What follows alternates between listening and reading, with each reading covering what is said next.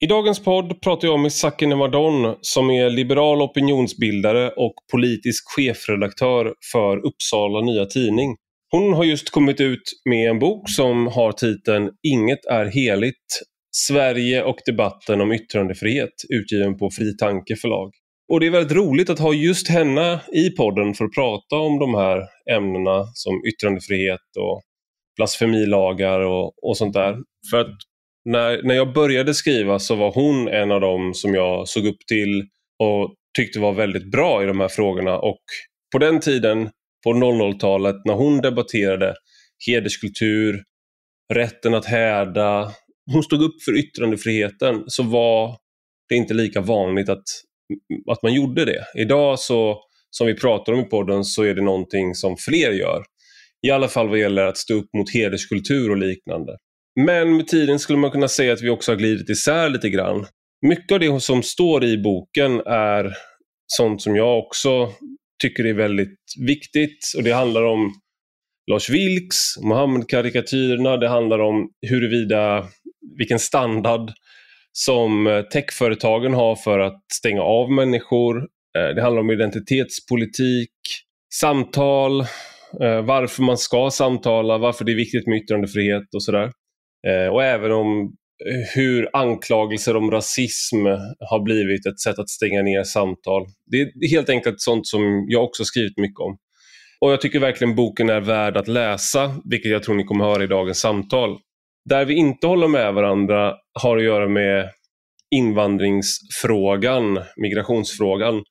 Där Sakine har, en, har alltid haft en mer generös linje och kanske tillhör tydligt ett liberalt synsätt där, eh, även om det finns liberaler som inte håller med henne där. Eh, medan jag har alltid haft en restriktiv syn på migration. Och min kritik mot Sakine, i, i, som ni kommer att höra i podden, har, är då där vi Anledningen till att jag utforskar det är för att vi håller med varandra om så mycket. Att jag tyckte det var intressant att kunna föra fram kritik mot, hitta de ställen där vi inte håller med varandra så att säga. Och det här är ett sånt, eh, ett sånt område. Och Det jag ser är att vi fyller på eh, områden med människor från länder som i vanliga fall eller som i, under tidigare decennier hade varit svåra att integrera ändå. Men nu så kommer de till områden där det i princip inte finns några svenskar, alltså majoritetssvenskar. Det finns nästan ingen som pratar svenska där som sitt modersmål. Och då får vi se sådana här scener som till exempel när Rasmus Paludan är då, var och brände Koranen i Norrköping, Linköping, Örebro. Eh, där det blir upplopp för att det här är, det, det är inte de här värderingarna om yttrandefrihet, rätten att häda. Det är inte värderingar som dominerar i de här områdena. Och när vi då fyller på med människor från eh, länder där man har ett annat synsätt så kommer vi också få skarpare och skarpare konflikter om de här frågorna. Här har jag och Sakine olika, eh, olika sätt att se på frågan och kanske så är jag mer pessimistisk och hon är mer optimistisk. Jag tyckte i alla fall att det var ett eh, fruktbart samtal och eh, jag hoppas att ni tycker det också. Nu till dagens gäst Sakine Madon. Du lyssnar på Rak Höger med mig, Ivar Arpi.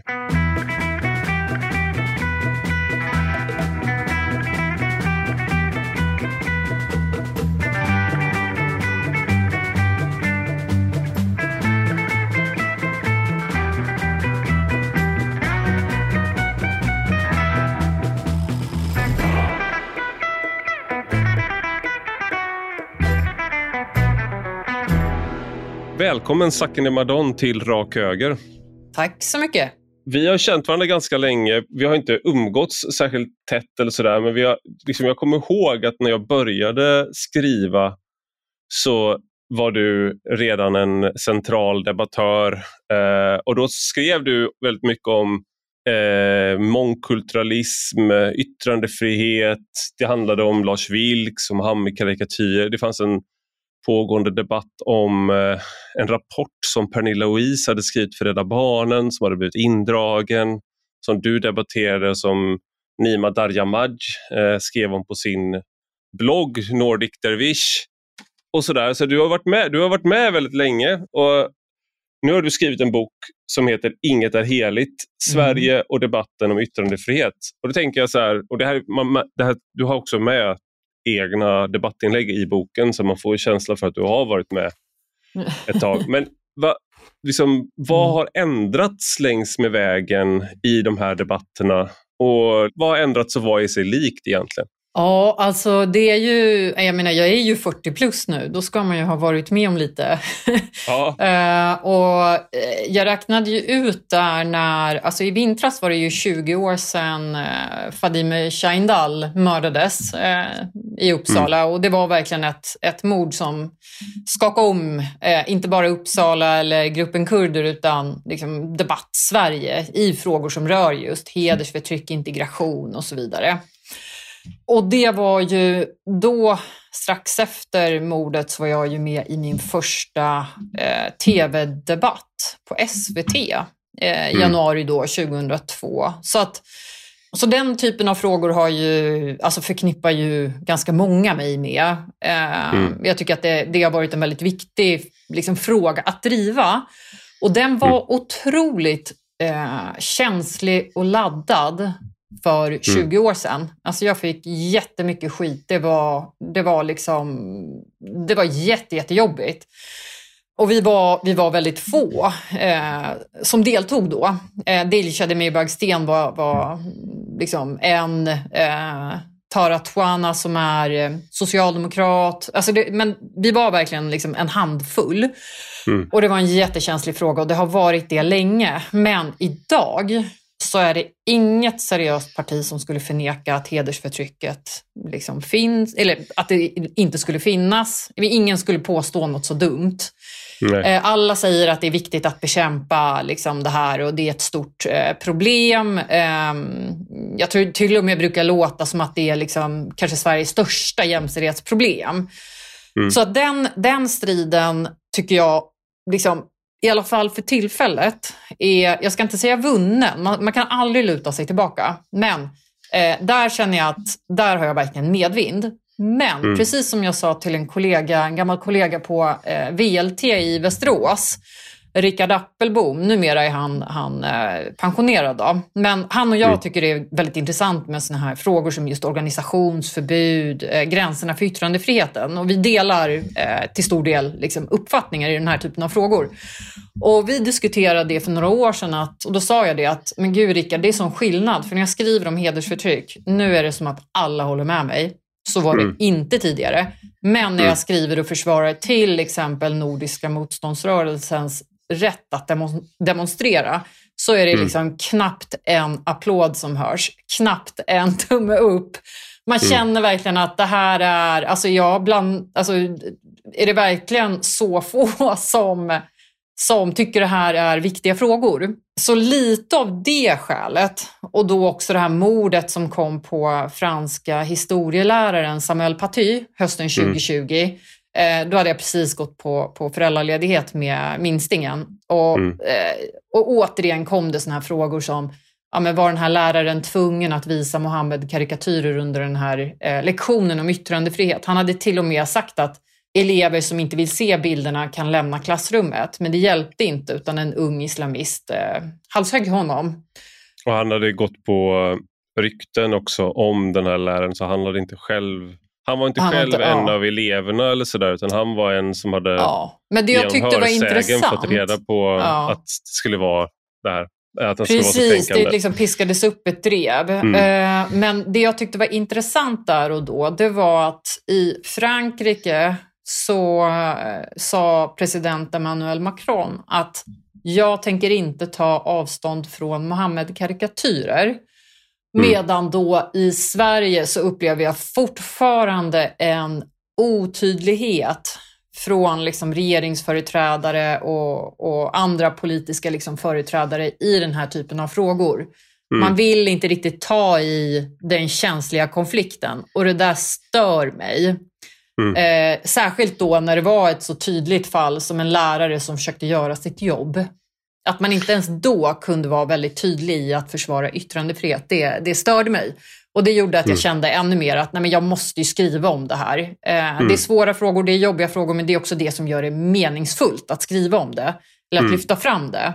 Jag tänker med, du tar ju upp i boken Sveriges historia där, till exempel då med eh, Mohammed-karikatyrerna där eh, det bildades snabbt en konsensus om att så där hemskt skulle man inte göra i Sverige. Att eh, hålla på och liksom göra Muhammedkarikatyrer. när Sverigedemokraterna la ut karikatyr, de hade en egen karikatyrtävling på sin sajt i samband med, eh, med det här. Då så släckte dåvarande utrikesminister Laila Freivalds, hon, hon var medveten om att liksom, UD tog kontakt med eh, webbhotellet eller de server, företaget som eh, hade mm. servrarna där Sverige, eh, Sverigedemokraterna hade sin hemsida. Och sidan släcktes ner och hon fick avgå till följd av det här. Men jag mm. skulle inte säga att hon med det agerandet liksom avvek så radikalt i vad hon tyckte om det. Utan, mm. Och sen då med Lars Vilks som kom, så du tar upp hur så många, men varför? Varför gör du det här? Och varför den här fula mm. hunden? Och, eh, och sådär. Det, och, det, och det där upplever du då någonstans ändå att 2020 när samma parti, där har vi kanske inte rört oss så långt då. I hedersfrågan har vi gjort det, men inte när det gäller rätten att häda och liksom... Nej, Mm. eh, mm. och eh, alltså det var ju ändå en väldigt stark signal där efter danska Jyllandspostens publiceringar av 12 karikatyrer. Det var ju liksom redan hösten 2004. Men, eh, men, men även innan dess, alltså jag nämner ju att det var ju alltså den första vad ska jag säga, lilla islamkris i den svenska debatten liksom på 00-talet, det var ju faktiskt med eh, pastor, eh, kändispastorn Runar Sögaard. Mm. Och det är en historia som många inte känner till, liksom. men det var innan till och med Jyllandspostens karikatyrer började debatteras. Det var så att Sögaard hade i en, en kyrka då i Stockholm eh, fått hyra en lokal och så höll han en, eh, en predikan där han kallade liksom Buddha för brun och fet. Och ja, men raljera över liksom olika religioner och sen kallade han Mohammed för pedofil. Mm. Och då blev det, eh, då blev det ett eh, rejält ståhej. Um, och det ordnades liksom såna anti-runar-manifestationer och jag gick förbi en i, i centrala Stockholm och fick ett flygblad. Uh, och redan där märkte jag att, för det uttrycktes någonting i stil med, jag citerar i boken mer exakt, men det uttrycktes någonting i stil med då i det här flygbladet att man, man får inte eh, liksom kränka i en demokrati. Eh, budskapet var i alla fall det.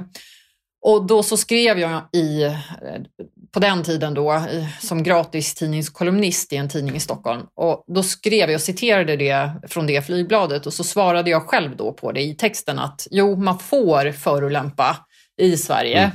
Jag vet att det är jobbigt, men det är det som är liksom innebörden av demokrati. Ungefär så. Mm. Eh, så redan där var ju den här konflikten väldigt tydlig. Och det upprepades i debatten att liksom, ja, ja, yttrandefrihet är jätteviktigt, men inte det här. Men mm. vi, vi kräver att eh, våra känslor respekteras, men mm. inte mot vår profet. Så det förekom faktiskt redan där. Och sen då med, de Gyll, med Jyllandspostens eh, karikatyrer, då tror jag verkligen att den svenska regeringen var jättenervös.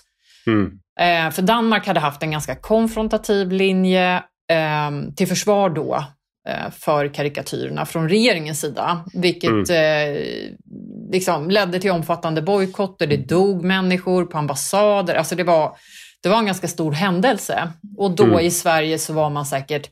Jag menar, Freivalds hon nämnde ju liksom säkerhetsaspekten eh, för att förklara liksom det hela. Mm. och hur man, varför man hade kontaktat UD och så. Men hon nämnde också, eller hon, det var ju inte det enda som hände faktiskt, utan hon som utrikesminister, gång på gång bad hon om ursäkt för att det i Sverige fanns personer som medvetet kränkte andras religion. Mm. Och då menar jag att då gick man ju över en, en helt annan gräns än att bara tänka säkerhetsmässigt. Jag menar, det, det är ju inte konstigt att en regering är rädd för att egna medborgare ska, ska mista livet. Det ser man ju också efter de här påskuppror, påskupploppen heter det. Ja. Eh, att eh, det är klart att det finns en gräns för, ingen av oss vill ju att någon polis blir ihjälstenad eller mister livet eller att någon eh, unge brinner inne på en skola på grund av liksom, Paludans eh, demonstrationer. Men det, var, det, är ju inte bara det som händer i svensk debatt. Det är inte bara tal om liksom, säkerhetsaspekter och, och liksom det rent säkerhetsmässiga. Utan gång på gång så ifrågasätts ja, men till exempel karikatyrer eller koranbränningar eller överhuvudtaget konst som kan uppfattas som kränkande. Mm. Ehm, mm. Jag tänkte vi skulle eh, vi ska komma tillbaks till eh, påskupploppen mm. och, och Rasmus Paludan. Eh, men jag bara tänkte ställa en grundläggande fråga. Varför är yttrandefrihet så viktigt enligt dig? Det här ska jag bara säga, det beskriver ja. du i boken. Men nu mm. ställer jag frågan så du ska få chansen att säga det ja. här. jo, men yttrandefriheten är ju... Jag tycker att den är så otroligt liksom central för vad det är att få vara liksom människa. Att få säga sin mening, uttrycka mm. sig fritt. Och det handlar ju också om en rättighet eh, som vi har om inte liksom vi blir fråntagna den. Eh, om inte staten liksom aktivt går in och, och vägrar oss den friheten. Eh, och då menar jag att liksom för att göra inskränkningar, för att hindra människor, aktivt hindra människor att säga sin mening, alltså det måste vara, då ligger liksom skuldbördan på den som vill censurera och hindra. Eh, man måste mm. vara väldigt noggrann innan man gör sådana inskränkningar. Eh, man måste tänka både ett och, och tre och två varv. Eh, Mm. Så att för mig är det en väldigt här, central del av att få vara en fri människa. Eh, sen är det ju klart att går man tillbaka liksom till John Stuart Mills argumentation och sådär så finns det ju en massa, liksom, ja, men det, ett spår har ju varit att ja, men yttrandefriheten är bra för samhället, det är bra för demokratin, det är bra för mm. vetenskapen. Liksom allt ska kunna ifrågasättas och, och inget är heligt i den meningen, vilket min boktiteln då antyder. Att inget mm. är ju heligt i den meningen att det inte ska ifrågasättas. Nej. Och sen då finns det ett mer moraliskt argument som jag var inne på lite innan då, att eh, det är också, alltså det är också fel att även om det bara är en enda människa man täpper till truten på, så är det liksom moraliskt fel. Eh, lika lite som den enda människan har rätt att tysta hela liksom, övriga världen, har vi rätt att tysta henne. Mm. Så det finns också en sån moralisk aspekt som jag också tycker är viktig. Eh, det handlar inte bara om att ja, men vi ska ha yttrandefrihet bara för att det leder till fina gulliga grejer. Utan mm. det är också omoraliskt att hindra människor från att säga sin mening. Och det, är det någon, jag, jag tänker ett exempel på, på det här när man ser yttrandefriheten som ett eh, medel mot ett bättre samhälle mm. kan man ju se till exempel då att någonting som många nu i samband med kriget i Ukraina återkommer till att det, det ryska samhället, en anledning till att Putin verkar ha varit så dåligt informerad är att information fortplantar sig inte uppåt för alla är för rädda att ge dåliga nyheter. Man vill inte, den, liksom bristen på öppenhet, bristen på yttrandefrihet, bristen på en känsla av att man kan säga hur det faktiskt ligger till har gjort att samhället har blivit svagare, inte starkare. Precis, och det här är ju genomgående genom historien. Alltså de som argumenterar för yttrandefrihet brukar, brukar nämna det. Och eh, jag jag tänker ju också det, liksom det här att vilja förbjuda saker. Nu har det ju, på senare år har det utretts till exempel om, om det här med organisationsförbud mot rasistiska mm. och högerextrema organisationer. Och e, ett annat förslag som ligger på bordet och som ska utredas är ju om förintelseförnekande ska räknas in i, inom då, eh, lagen om hets mot folkgrupp. Alltså det finns en rad sådana olika idéer och eh, förslag som man tittar på. Och där Alltså det, det, är så otroligt lätt att bara kräva förbud. Att liksom visa att man är emot någonting. Eh, mm. liksom en rejäl signal, en rejäl markering.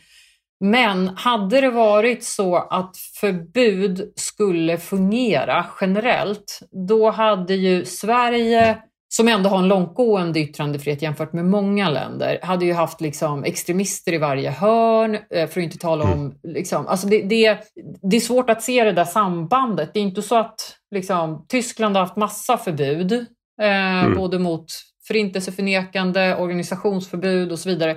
Det är inte så att det saknas nazister i Tyskland. Så att hade, hade det varit så att förbud verkligen fungerade på det här området, mm. då hade man tydligare liksom märkt det i, i liksom konsekvenserna av den här typen av restriktioner. Men jag, jag har väldigt svårt att se det. Utan min idé är ju att, eller min tro ändå, är ju ändå att liksom med ett öppet samtalsklimat så dämpar man riskerna för liksom konspirationsteorier, eh, polarisering och så vidare. Men, men liksom att bara drämma till med ett förbud, det är ju, risken är ju att det blir att liksom skjuta sig själv i foten. Jag tänker, det, det an, anknyter till eh, det här med yttrandefrihet är ju något centralvärde, grund, grundvärderingen på något sätt. Sen så är det andra rättigheter som tillkommer där som organisationsfrihet, mötesfrihet och sånt. Men yttrandefriheten är liksom bottenplattan där.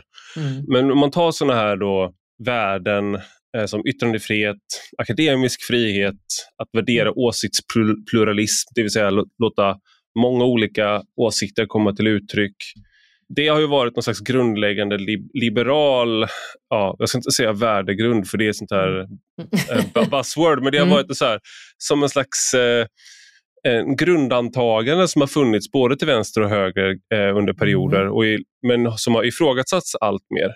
Mm. Och så, som jag ser det så syftar de här värdena till att skapa en fri yta där det ändå finns tydliga spelregler man inte går över, att man liksom du ska inte mm. försöka attackera någons barn, familj, utan du ska argumentera mm. eh, i god tro på något sätt, använda argument eh, och sådär. Mm. Men någonting som jag också har, har, har tänkt på mycket som jag skulle vilja höra din reflektion om, det är att de till viss del är, är tomma värden som jag ser det. För att man, det finns ingen riktning, det finns liksom inget mål, ingen gemenskap man strävar mot. Mm. Utan det är mer att man försöker att så här, man är en slags ordningspolis som vill ha liksom, att det är så här reglerna för matchen ska vara. Och Du har ju varit fotbollsdomare vet jag. Ja. Så då, det är mer att man är liksom som en fotbollsdomare än att man är en, en, en av spelarna i något av fotbollslagen. Och det, där, det där är också något som jag är, oroar mig för lite grann, att de här mm. värdena därför är svagare än vad de kan se ut att vara. Hur tänker du kring det där? Ja, men det där är ju en sån här klassisk kritik mot, eh, mot liberaler. Va? Inte ja. alls en klassisk kritik. Jag är unik, en unik tänkare och en stor filosof. Ja. Jo, jo, jo, jo, men det ja. där har jag ju hört ända sedan jag var så aktiv i luft. Då var det ju KDUs ja. ordförande som så här, liberalismen är så tom och, och eh, bryr sig inte om sammanhang och liksom familjesammanhang och la la la la la. Liksom. Ja, mm. jo. Nej men ja, det är ju för att jag lägger ju, alltså om människor är fria så mm. litar jag på att, alltså det är inte jag som ska avgöra vad någon enskild fyller sitt liv med eller blir lycklig av, utan frihet är ju liksom en metod för mm. att folk sen i sin tur ska få välja Eh, och, och, på så sätt liksom kunna välja vad, eller bli lyckliga och, och känna liksom att de fyller sina liv med mening. Så jag, mm. jag ger mig ju väldigt sällan in i såna här, ja, alltså leka teolog-lekar eh, sådär. Det, det överlåter jag åt andra. Och liknande kritik kan ju finnas från vänsterhåll då, mot liberaler. Mm. Men jag ser lite på ett, på ett annat sätt ändå. Alltså just sådana här frågor om yttrandefrihet Alltså även frågan om identitetspolitik, som jag också går igenom en hel del i boken. Mm. Eh, för jag har ju en tes där, att det är identitetspolitiken som stökar till det för oss, som gör, det, gör att vi inte riktigt förmår hantera sådana här frågor som Mohammed-karikatyrer. Eh, det här som heter så här, mm. åh, någon sparkar neråt, det är problematiskt och så vidare. Att vi helt liksom mm. går vilse. Men tillbaka till det jag skulle svara på. Alltså min, eh, det jag märker är ju att den här, alltså frågan om yttrandefrihet, den skär ju rakt igenom det politiska spektrat.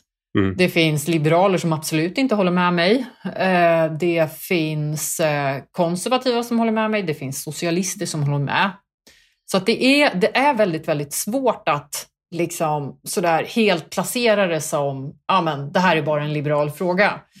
Eh, mm. Det, det, kan faktiskt förvåna mig ibland, men, men om jag bara kikar liksom på en del recensioner och sådär, så alltså det, det är förvånansvärt ändå många liksom från vänstern som eh, kan vara positiva till en bok som den jag har skrivit. Mm. Så det där är, det där är väldigt, eh, jag tror att man gör, gör det lite, lite för lätt för sig. Jag menar, visst, jag hade väl kunnat sitta här och skryta om att så här, ja, det är bara liberaler som, som tycker det här är viktigt. Men det är ju inte så. Jag menar, du själv mm. är ju också en person som tycker yttrandefrihetsfrågor är viktiga och ger in i debatten. Mm. Eh, och, men, men det är ju det också som gör att jag tycker det är lite intressant. Alltså, ah, jag hade ju aldrig pallat skriva någon bok om så här, Åh, liberalismen är så fin och, och det, därför de är skatter dumma. För höga skatter är dumt, så här, eller något sånt. Ja, precis. Ja. ja men de har skrivits en miljard gånger. och, och det, det, är ju bra. Men, men det jag det, tänker med ja. den här frågan är också, för att mm. jag, jag kommer ihåg jag intervjuade Jonathan Haidt när han hade skrivit The Righteous Mind. Och Det var innan han, han hade skrivit The Coddling eh, of the American Mind.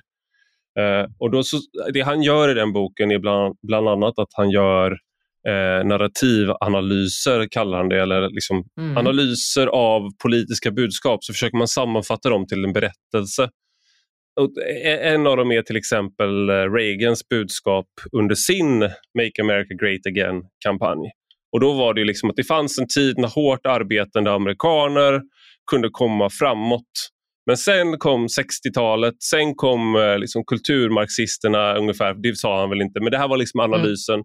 Och eh, förrådde de amerikanska idealen. Och Vi har nu haft en period där vi har glömt vad det innebär att vara amerikaner. Vi behöver liksom förnya den amerikanska drömmen. Vanliga arbetande människor ska kunna kunna känna stolthet och kunna skapa ett bra liv i USA. Mm. Ungefär så var då liksom mm. den narrativa analysen.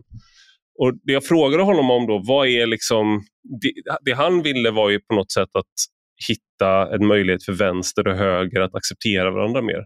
Mm. Så jag sa, okej, okay, men om du gör en narrativ analys av dig själv och ditt eget budskap, vad är det? Och Det hade han ju inte gjort och han blev väldigt ställd av det. Och Det här är ett mm. problem som jag själv eh, jag har skrivit om de här frågorna också, men jag tycker att det är ett problem ibland att om man till exempel ställer upp sig mot eh, identitetspolitiken mm de har en eh, tydligt budskap, de har tydliga fiender mm. eh, och de har ett tydligt mål.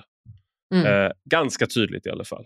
En, och då, Det blir ett problem ibland kan jag uppleva eh, att mm. det man säger till dem är ha tålamod eller inte, inte så långt och eh, sakta ner. Är det där något, ser du det som eh, mm. problem eller ser du det som en styrka? att man inte kan göra motsvarande eller lova lika ja. mycket. Alltså det är ju, men det är ju lite som, liksom, ja men det finns inga så här svulstiga drömmar och visioner och inget liksom efter proletariatets diktatur så ska, eller alla, eller såna här Jehovas broschyrer eller, ja. eller för den delen liksom såna här gamla SD-broschyrer med massa lintottar och lyckliga mödrar med jättemånga ja. barn. Alltså, nej. Ja. Eh, vi, vi har ju inte det, eller jag har inte, levererar inget, inget, sånt, liksom, inget sånt svar, det är sant. Och jag fick faktiskt kritik. Eh, jag pratade ju om boken på, för eh, Eh, statsvetenskapliga föreningen på Uppsala universitet här i veckan, tidigare i veckan. Eh, och mm. då var det ju en, en professor där som eh, jag vet inte håller med mig om den här typen av frågor som då skulle kommentera boken. Så det blev ett samtal. Det var, det var rätt intressant. Häng ut! Och, Ja. Häng ut! Nej, men det ska jag inte göra. Och, och, jag tyckte att, alltså, jag menar hon, hon deltog i den här debatten om Ingalill Aronsson. Men mm. på andras, liksom, min då så kallade motståndarsida inom citationstecken. Mm. Ja. Eh, och en av dem, eh, en, liksom, en del av hennes kritik var just det att eh, ja, men du, du säger så här, var färgblind och, och särbehandla inte. Mm. Men eh, vad då liksom? Man måste ju göra någonting. Eh, och då, mm. då försökte jag förklara det att ja, men om det nu är så att vita, alltså jag gillar inte att prata om hudfärgs, eh, jag vet inte riktigt hur jag ska uttrycka det, ja men säg så här, etniska svenskar eller ljushyade eller ja. Svenskar men du förstår vad jag, i, ja, I skrift är det ju lättare att liksom markera att jag ja. brukar inte använda den här typen av vokabulär, men för att liksom mm. förklara för eh, konflikten här. Eh, låt säga att då eh, ljushyade män eh, kvoteras in på Sveriges Radio och allt vad det är, liksom, inom näringslivet och så vidare. Mm. Men då är det ju liksom den kvoteringen som man borde bekämpa istället för att börja kvotera mer. Men då, mm. då i någon slags naiv förhoppning om att man ska kompensera. Alltså, mm. Eh, så att jag, jag håller ju med om att det kan finnas, jag, jag har ju alltid varit jätteintresserad av sån här, liksom, prat om så feminism och, och eh, Eh, strukturer och normer. Varför ställer man vissa frågor till kvinnor och inte till män? Allt sånt där har ju jättelänge intresserat mig. Och samma sak med frågor om liksom, rasism och olika länders liksom, assimilationspolitik. Jag menar, jag, jag har ju kurdisk bakgrund, eh, alltså rötter i Mellanöstern. Min familj flydde ju från, från södra Turkiet ner mot Syrien och sen mot Sverige eh, när jag var barn.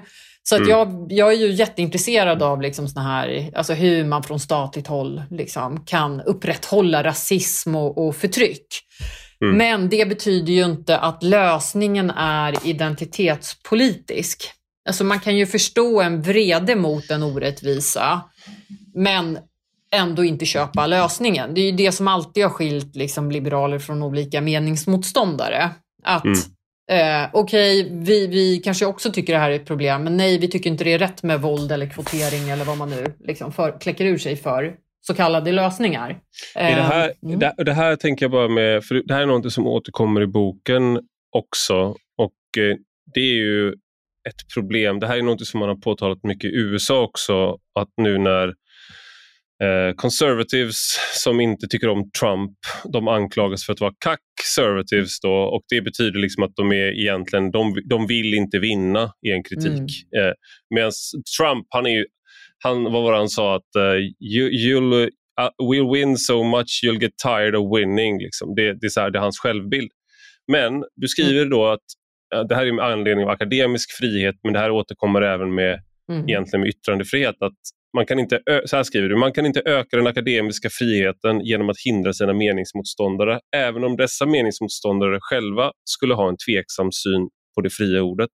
Mm. Och Det där gäller ju till exempel woke personer som man kallar mm. det, eh, eller identitetspolitiker, eh, de som tillhör social justice warriors. Att är inte risken här liksom att då man är en liksom man har de här värderingarna, man tycker att det är viktigt, man tycker att det är omoraliskt att tysta, som du sa där, man tycker det är omoraliskt att tysta en enskild mm. person. Eh, inte för att liksom, det skadar samhället utan för att det är omoraliskt eh, helt enkelt. Eller det kanske skadar samhället på längre sikt men liksom inte...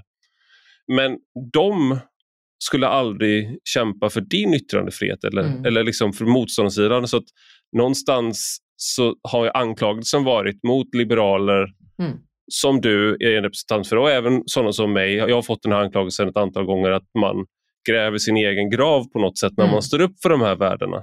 Hur ser du på den kritiken? Ja, alltså den kritiken är ju inte heller ny om man liksom stretchar ut det till, till liksom de olika historiska debatterna som har funnits. Mm. Eh, det är liksom samma argumentation mot yttrandefriheten som återkommer liksom sekel efter sekel, decennium efter decennium.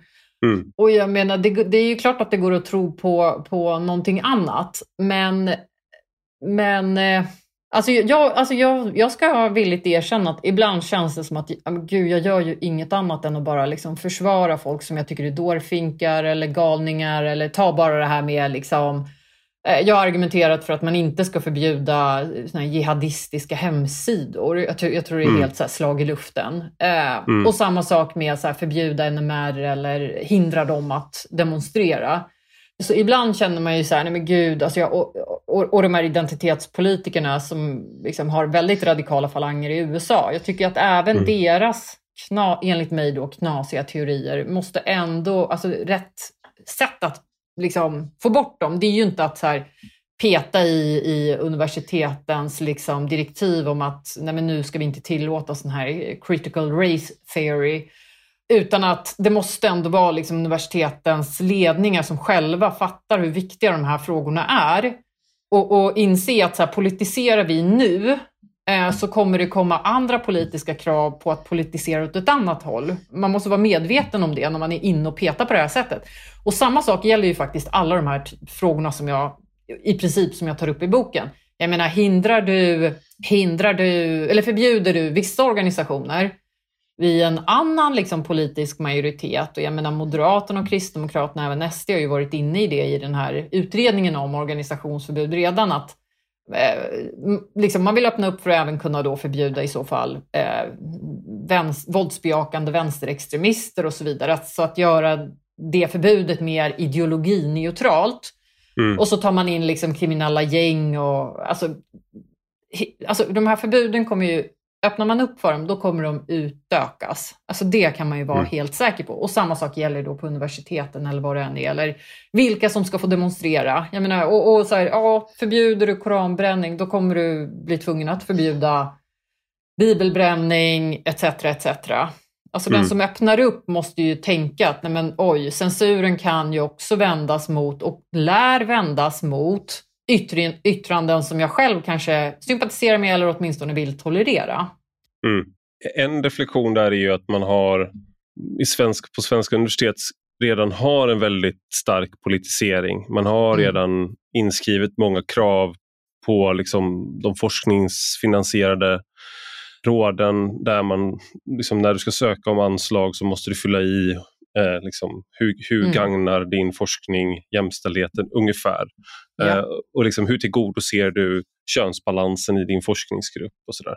så mm. man har många sådana här saker och det har man inom kulturen också där Stina Oskarsson var ju tidig med att kritisera det här.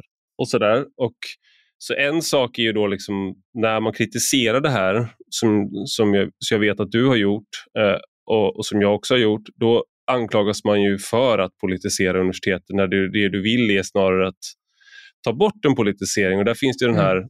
Chicago-deklarationen som Jonathan Haidt eh, har, har lyft fram bland annat. Att när man ställer upp på liksom att man är eh, på yttrandefrihet, på att folk ska få uttrycka obekväma åsikter och mm. liknande. Mm.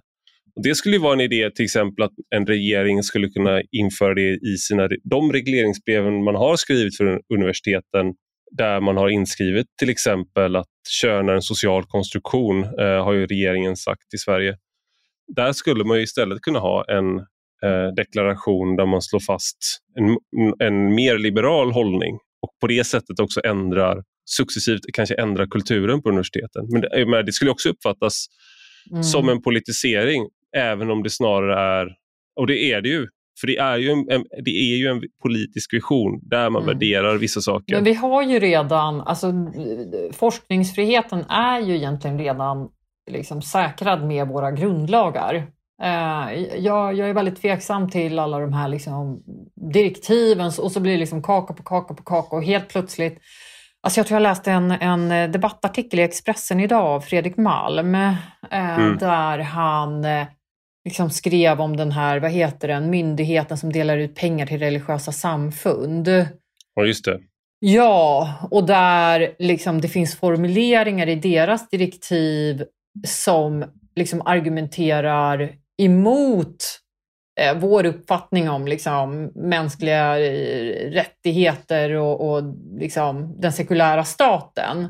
Och det mm. är ju eh, Alltså det, det, jag är så trött på alla de här fluffiga, flummiga direktiven och motsägelserna. Just det här bara, mm. ja, ja, akademisk frihet är jätteviktigt, men, eller mm. kulturens frihet, kulturens frihet. Och sen så samtidigt har vi konstinstitutioner som gång på gång har tagit ner verk eller censurerat verk av hänvisning till att man annars riskerar att kränka. Mm. Eh, så jag, jag, är, jag, är, väldigt, alltså det här hyckleriet står mig lite upp i halsen. Alltså det, eh, och, och jag är ju inte för någon slags liksom liberal diktatur utan... Eh, det, går alltså, inte, det går inte tror jag. Ja, nej, jag, jag, jag, tror man får liksom, man, man, måste på något sätt försöka hoppas att det uppstår en liksom kreativ och frihetlig miljö på universiteten om de slipper politisk inblandning. Mm. Men då måste de ju själva, ledningarna måste ju själva inse det. Ja, och det, och det där är ett problem mm. i Sverige där de är, rektorerna är myndighetschefer och mm. de ska lyda regeringen. Och de, så du har liksom i själva konstruktionen mm. så har du inte så mycket frihet till att börja med. Men jag tänkte en, en sak med det här, vi går tillbaks till eh, Paludan då. Mm. Där, så, om man kan, det var då många som försvarade hans rätt att bränna Koranen mm. Eh, ändå i tidningen.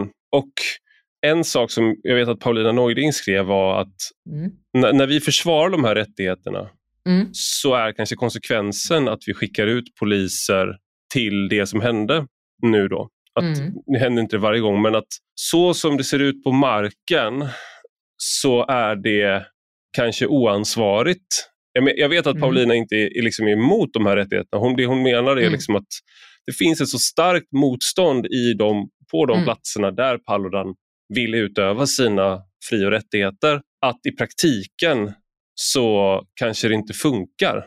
Hur tänker du kring det? Jag tror, att, jag tror att det var den texten jag läste och jag tyckte den var så himla deprimerande. Um, nej, men jag tänker så här, alltså, han, brände, han brände ju Koranen i februari i Göteborg mm. och Malmö. Det blev inte alls den här typen av upplopp. Sen så, han hade ju också någon manifestation nu i Borås Eh, om det var igår eller förrgår, men nu i veckan i alla fall, eh, ja. där liksom situationen också kunde hållas lugn. Så jag hoppas att, alltså, jag tror det var massa, det är säkert olika faktorer som påverkade då eh, till att det blev som det blev över påsken. Det var ju mm. helt, jag menar, jag var ju helt, eh, precis som många andra, man blir ju chockad och helt bedrövad. En, en sån här mm. Novusmätning som gjordes efter eh, påsken visade ju att det var alltså nästan var tredje svensk eh, som tycker att svarar ja på frågan om kränkande demonstrationer ska förbjudas. Bara mm. 55 svarade nej. 55 procent svarade nej. Det är ju det är helt horribelt tycker jag. Eh, Eftersom alla men, demonstrationer i regel är kränkande. ja, liksom jag menar att första maj för folk som exakt. har flytt från kommunistiska diktaturer, alla de här etniska grupperna. Alltså, mm. det, alltså det är ju, det vore ju helt, totalt hopplöst liksom, att ha mm. och förbjuda, då har vi liksom avskaffat demonstrationsrätten, punkt. Liksom, om, man, om man tycker så. Men, men det illustrerade ju ändå att många var nog skakade efter, efter påsken. Mm. Och det är ju klart, jag har ju inget, eh, jag menar jag vill inte offra, eh, jag vill inte offra massa liksom, polisers liv eller så. Men samtidigt så tror jag ju att, och det är väl här liksom, för jag vet, jag har fått, den, alltså de här veckorna som har gått, jag har fått liksom frågor och sådär också på, som är inriktade lite på så här, ja men, Eh, är inte lösningen då att man liksom, alltså det är invandringen någonstans som är liksom kärnan i i Jag kommer problemen. komma till fler sådana ja. frågor. Ja, okej. Okay. ja. eh, men, men jag tror så här, en lärdom från påskens händelser är, det var ju helt exceptionellt det som hände. Eh, det får mm. ju utredas i detalj liksom, vad det berodde på.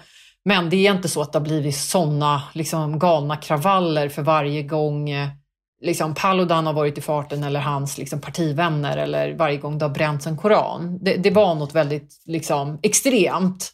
Mm. Men med det, det verkar sagt, också som att polisens, ja. eh, mm.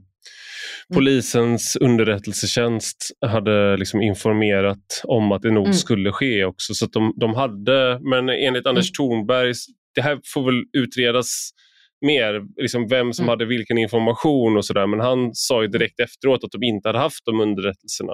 Men de underrättelserna fanns. Men då är frågan om de inte hade nått fram till honom. Mm. Alltså, och vad han menade. Så här, jag, jag tvivlar inte på vad han säger men mm. det är någonting som har gått fel där, även från polisorganisationens sida. Ja, ja, verkligen. Men det var, var det, ju, det var extraordinärt. Det var, det var helt... Det. Och sen så, det, det, är liksom röda dagar, många liksom yngre som kanske inte hade någon skola att gå till och som anslöt. Och, alltså det, det finns säkert en massa olika såna här delförklaringar till det. Mm. Men min poäng är inte att förringa det som hände. Eh, liksom, det är det tyder ju på liksom, stora problem i den här typen av frågor. Och egentligen är de, liksom med lite distans, om man tittar lite hur det har sett ut i Sverige ända sedan då eh, Runar Sögaards eh, förvirrade liksom, eh, predikan en gång i tiden, ja. så har det ju gång på gång manifesterat. Liksom, betydande skaror har ju ändå liksom, varit emot då rätten att häda eller jag menar Lars Vilk som attackerades när han försökte hålla ett seminarium på Uppsala universitet, mordförsöken mm. mot honom. Alltså, det, det, det existerar ju inte i ett vakuum, så självklart finns det, självklart finns det liksom ett problem med personer som är övertygade om islamism. Mm. Och som vi tidigare var inne på, jag menar en fråga som jag drev eh, en fråga som jag eh, drev mycket för, för några år sedan, det var ju de här liksom könsseparata badtiderna på kommunala badhus som blev allt populärare. Mm. Och det tycker jag också är så tydliga, alltså, och de var tydligt då motiverade med religion och kultur. Och, och så att den här typen av liksom åsiktsyttranden, att liksom det bör inte vara tillåtet att bränna Koranen eller för den delen teckna Mohammed. Alltså det, det, den åsikten finns alldeles uppenbarligen ute i samhället och den måste liksom bekämpas. Men hur, blir, hur gör man? För att det är väl det här jag tänker med, om vi tar då hedersfrågan eh, till exempel. Mm. För jag håller nog med dig om att eh, det är en av de här debatterna där de etablerade partierna har, eh, där, där avviker, de enda som avviker där är liksom kanske vissa i Vänsterpartiet som har gjort det i förhållande mm. till Amineh Kakabaveh till exempel, den debatten som hade för några år sedan. Ja. Så alltså, det finns såklart av, folk som inte håller med gör en annan, liksom, som är kvar så att säga i där, där debatten började på 00-talet. Men de allra flesta är nu liksom överens om att det här är ett problem eh, och det här är, som du sa, det här är kanske ett av vår, vår tids stora mm. jämställdhetsproblem. Mm. Men skulle jag också hävda, omfattningen idag är större.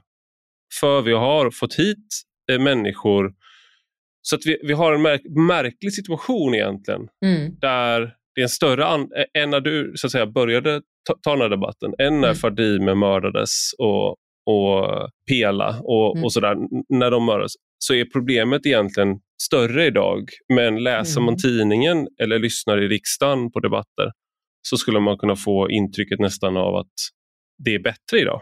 Ja, men jag tror att det beror lite på hur man, hur man ser det. Alltså jag är ju, jag är ju i, liksom, i grund och botten en liksom, frihetligt sinnad, liksom, positiv till migration person.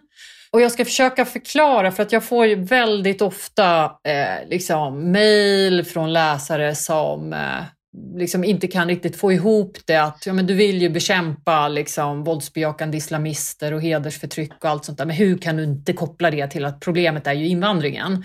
Mm. Jag ska försöka förklara. Så här tänker ju jag. För mig är det liksom ganska... Det intressanta är egentligen inte att till exempel Fadime mördades i Uppsala och inte i Kurdistan. Eller att Pela som innan Fadime mördades i södra Kurdistan. Eller om hon hade då mördats i, i Farsta där hon eh, liksom bodde eh, i Stockholm. Alltså för mig mm. är liksom inte den, den geografiska punkten där någonting finns eller där någonting sker egentligen det mest centrala. Utan det är att de här morden sker eller att det här förtrycket finns eller att det finns islamister som flyttar fram positionerna. Mm. Så jag, jag, skulle också kunna argumentera för att men Sverige har ändå ganska liksom, hyfsade förutsättningar att få många av dem som kommer hit att liksom, sluta begå eh, det här förtrycket mot sina barn eller man har äntligen liksom skärpt, eh, eller börjat tillämpa de här lagskärpningarna mot barnäktenskap och tvångsäktenskap och så. Så att mitt fokus är ju jag kan förstå liksom, jag kan förstå de som tycker att liksom invandringen är ett problem och alltså har det perspektivet helt enkelt. Så, ja, men nu har det kommit hit. Det är ju på samma sätt som faktiskt mina meningsmotståndare i sexköpslagen eh, brukade, brukade argumentera att ja, men sexköpslagen har gjort att vi i Sverige har fått mindre sexköp. Mm. Och ja, det kunde ju stämma. Men då var ju mitt argument att fast om de här rumänskorna och allt vad det är istället säljer sex i liksom ännu sämre länder, jag menar vad är vunnet då? Är det att vi liksom slipper se det? Ja, men för mig är inte det det centrala. Förstår du hur jag menar? Ja, jag förstår att man flyttar liksom problemet, men någonstans, alltså så att om, även om det är inte, att det liksom, om, om de är här så har vi i alla fall en möjlighet att påverka dem och de värderingarna måste bekämpas oavsett var de är. Fast jag tror vi har uh, möjligheter faktiskt också i Mellanöstern. Uh, eller mm. i liksom all, alla de här biståndspengarna och allt vad det är. Alltså om man sätter hårt mot hårt i den här typen av frågor så finns det ju också ett arbete att göra internationellt. Mm. Men, men, men absolut, det är ju mest liksom i Sverige man kan påverka. Men, men jag tror att det behöver liksom inte vara så enorma kostnader och så. Jag tror så här, mer så här, skarp tydlighet. Så här, välkommen mm. hit, det, du, får inte, liksom, du får absolut inte ens ge en örfil till ditt barn. Du får inte pang, pang, pang väldigt tydligt. Då tror jag att man har väldigt goda förutsättningar att folk bara, ah, okej, okay, det här är vad som gäller här. Alltså människan mm. har ju också en förmåga att anpassa sig och en förmåga att liksom ändra värderingar. Men, men vad, vi, vad, vad liksom svenska makthavare år efter år har gjort, enligt mig då, det är ju att man hela tiden, liksom, ja men nu igen med koranbränningen, man försöker ta den enkla vägen ut. Så här, mm. Ja, men vi ska inte ge honom eh, demonstrationstillstånd jämt och vi ska ha liksom, fina dialoger och, och, satsningar. Och vi ska, alltså man kör den här lite mer konflikträdda linjen medan jag mm. hoppas ju mycket mer på den här liksom, tydligheten som jag hör hos Macron till exempel. Alltså man i Frankrike kan ha en intellektuell debatt om politisk islam. Alltså varför är det så omöjligt i Sverige? Men man, man ska också säga då att Macron är ganska högt upp på al-Qaidas dödslista. Lars Vilks ja.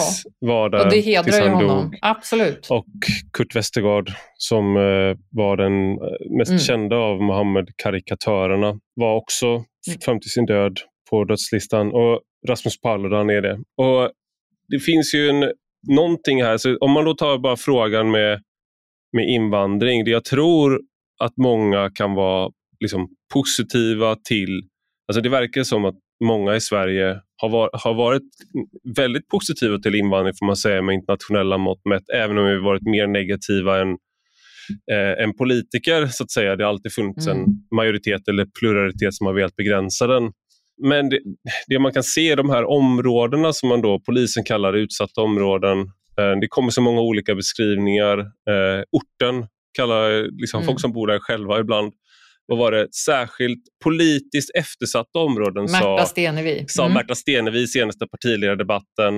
Eh, vad var det kulturellt eh, efter, utsatta områden tror jag Jimmy Åkesson eh, använde. Jag kommer inte ihåg. I ja, alla fall, kärt barn, kärt barn mm. har många namn.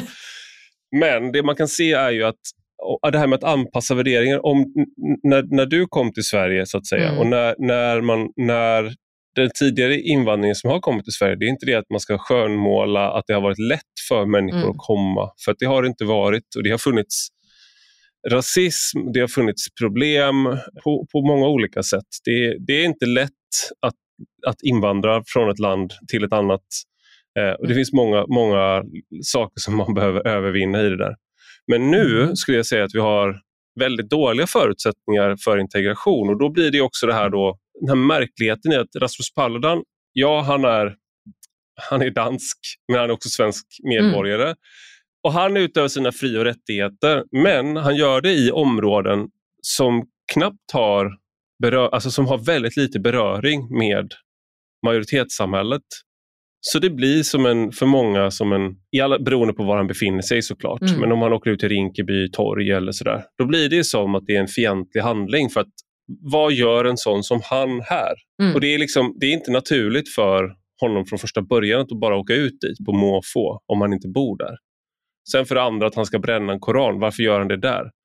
Det, mm. det blir någon slags så blixtbelysning också av att vi har idag ett samhälle där Sverige betyder helt olika saker beroende på var du befinner dig. Och Då tänker jag att liksom den här förmågan att upprätthålla svenska lagar är ju olika beroende på var du befinner dig. Det vill säga om jag går ut mm. och bränner en koran där jag befinner mig just nu i, i Uppsala, där jag är nu, då skulle liksom antagligen ingen reagera. Eller undra vad håller du på med? Varför luntar du? Liksom på, varför mm. eldar du en bok? Liksom? Men om jag åker ut till Gottsunda och ser ut som jag gör och, och börjar göra det, då kommer det, då kommer det ha en helt annan värld. För jag har inte där att göra, för det första. Det är inte min det är inte min del av stan, jag är, ser fel ut sådana som jag bor inte där i den utsträckningen och det blir liksom som en fientlig handling. Mm. Och Det är det här jag bara undrar att vi har det är det här jag tänker invandring. Jag skulle ändå vilja höra hur du tänker. För att mm. det, om, om du har liksom en invandring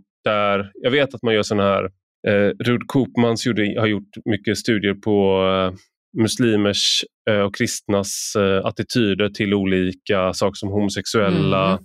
Så, och då kan man ju se att liksom, muslimer har, eh, eh, liksom, har mycket mer negativa attityder, alltså i andel muslimer. Yeah. Så om du har liksom en tredjedel muslimer som, eller, en, eller en hälften som tycker att det ska vara förbjudet att härda mot islam oavsett om du är muslim eller inte. Mm. Och du får då, det betyder inte att alla tycker det.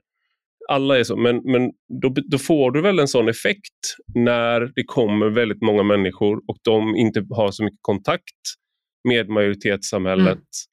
Annat än om polisen kommer dit kanske. Eh, och att liksom de känner sig trakasserade. Men blir inte det ändå effekten i realiteten om man är liksom för en stor, man har en mm. generös invandring, att det förändrar också helt enkelt vilka rättigheter du i realiteten kan tänkas ha? Nej, men alltså det är ju ingen eh, anledning till att jag alltid har liksom tjatat om alla de här alla de här frågorna, det är ju för att jag vill ju att Sverige ska vara ett eh, land som bland annat liksom mina föräldrar flydde till på grund av just liksom demokratin, friheten, rätten att få vara som man vill och, och tänka och tycka som man vill. Du hade en väldigt fin scen i boken där eh, mm. dina föräldrar som var då nu berättar jag om dina föräldrar ja, för det är bara Men att de var mm. fackkämpar i liksom, mm. Kurdistan i Turkiet. Men, mm. eh, och sen när de gick i sitt första majtåg upp mot slottet här i Uppsala mm. så var de väldigt glada för att de var inte trakasserade av polisen utan tvärtom. Polisen hjälpte till med avspärrningar mm. att underlätta det första majtåget. Ja, men de var ju helt chockade. Jag har ju väldigt så starka, alla är ju så påverkade av olika grejer i livet, men just så flykten, eh, jag har så otroligt liksom klara och tydliga minnen därifrån. Och det var nog för att man blev ju väldigt påverkad av det. Vi, vi flydde över minfält. Mm. Och sen då när vi kommer till Sverige, vilken kontrast det är på olika sätt. Alltså mina föräldrar, de eh, gick ju på SFI på dagarna och delade ut Uppsala Nya Tidning, alltså som jag är på idag. Eh, mm. Den tidningen var, liksom, det var deras första jobb att dela ut den på nätterna. Då. Och eh, någon gång fick jag följa med dem på en SFI-lektion. Och som barn snappar man ju upp språket mycket snabbare så att jag kunde ändå göra mig rätt så förstådd efter mm. liksom, väldigt kort tid. Jag var ju fem år då. Och då så såg jag alltså lärarens, SFI-frökens, eh, vad heter det, pekpinne vid katedern. Mm. Och frågade slår du mina föräldrar med den? och hon blev ju helt sådär förskräckt. Så här, Nej men kära barn, eh, så absolut inte liksom. Eh, men, men det var också en sån här väldigt tydlig skillnad liksom mot, alltså att så här, skillnaden mellan demokrati och diktatur, den, den, den märks ju i så mycket.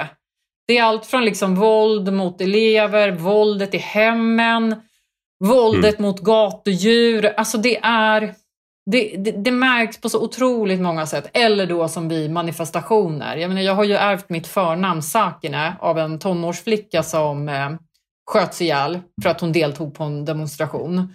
Oh. Så att eh, så, sånt sitter ju jätte, jättestarkt, såklart. Mm.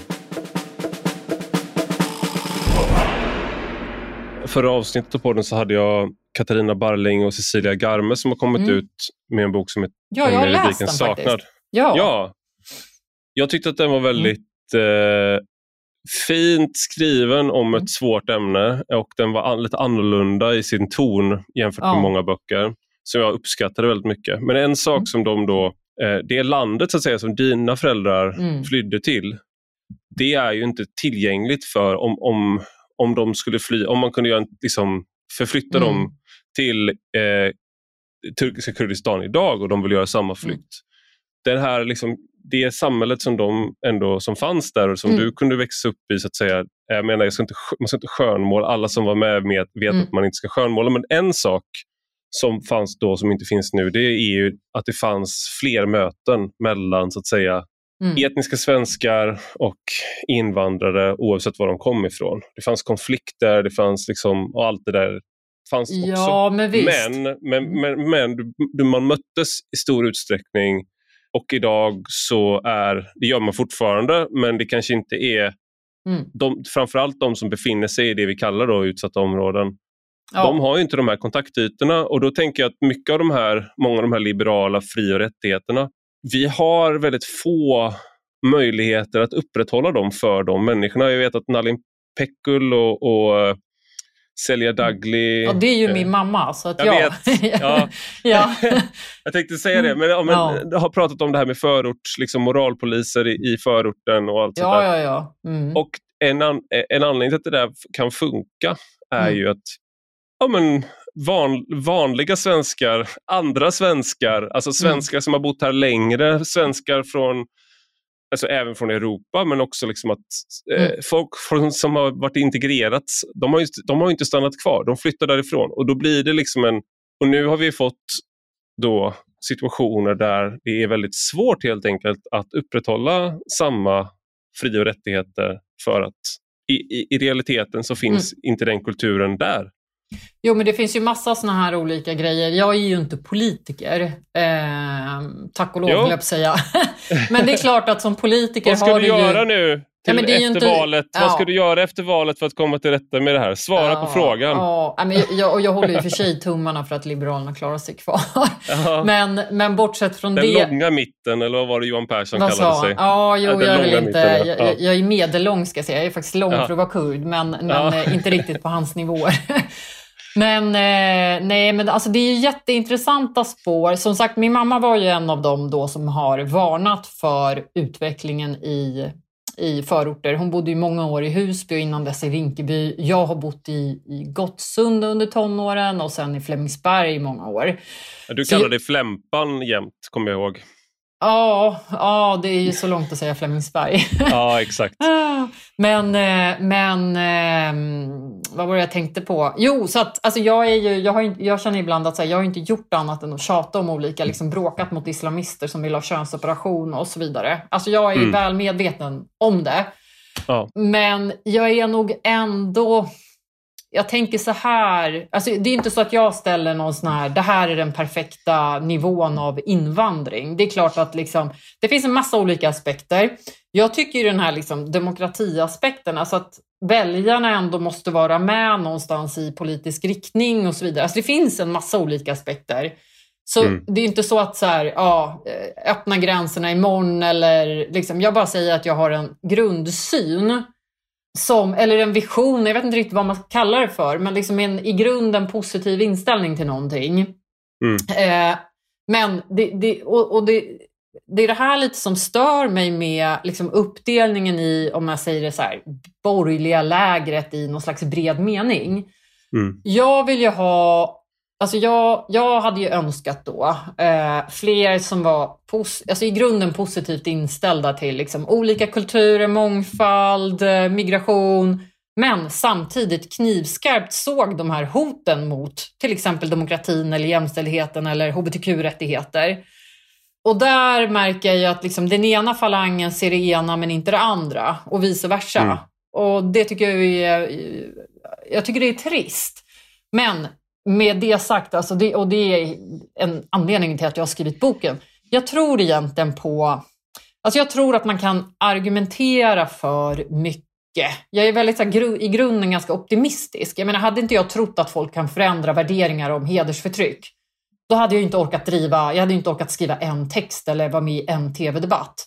Men jag tror ju att man kan påverka människor. Det är det som gör att jag, liksom, man måste orka bråka mm. för att något ska förändras. Och samma sak i de här yttrandefrihetsfrågorna. Jag tror att liksom bara man liksom trycker upp dem på agendan, tjatar om dem, så det liksom uppstår diskussion och debatt, så tror jag ändå att, alltså jag hoppas ju, om man gör en ny sån Novus-mätning om ett tag, om det här med koranbränningar, kanske om något år eller så, att siffrorna inte är lika liksom, nattsvarta. Jag tror att det är två grejer. Jag undrar om det är rätt framing för det bara med yttrandefrihetsdiskussion. För att jag, jag tänker att det är två olika rörelser som står, inte bara, kanske bara två, men det ena är de här då som, som du beskriver så väl i boken som är de som vill begränsa kränkningar, mm. som ser världen indelade i, i, i olika grupper grupper, skyddsvärda grupper och, och, grupper som ska begränsas på olika sätt. och så där. Man har liksom mm. en maktanalys och sådär.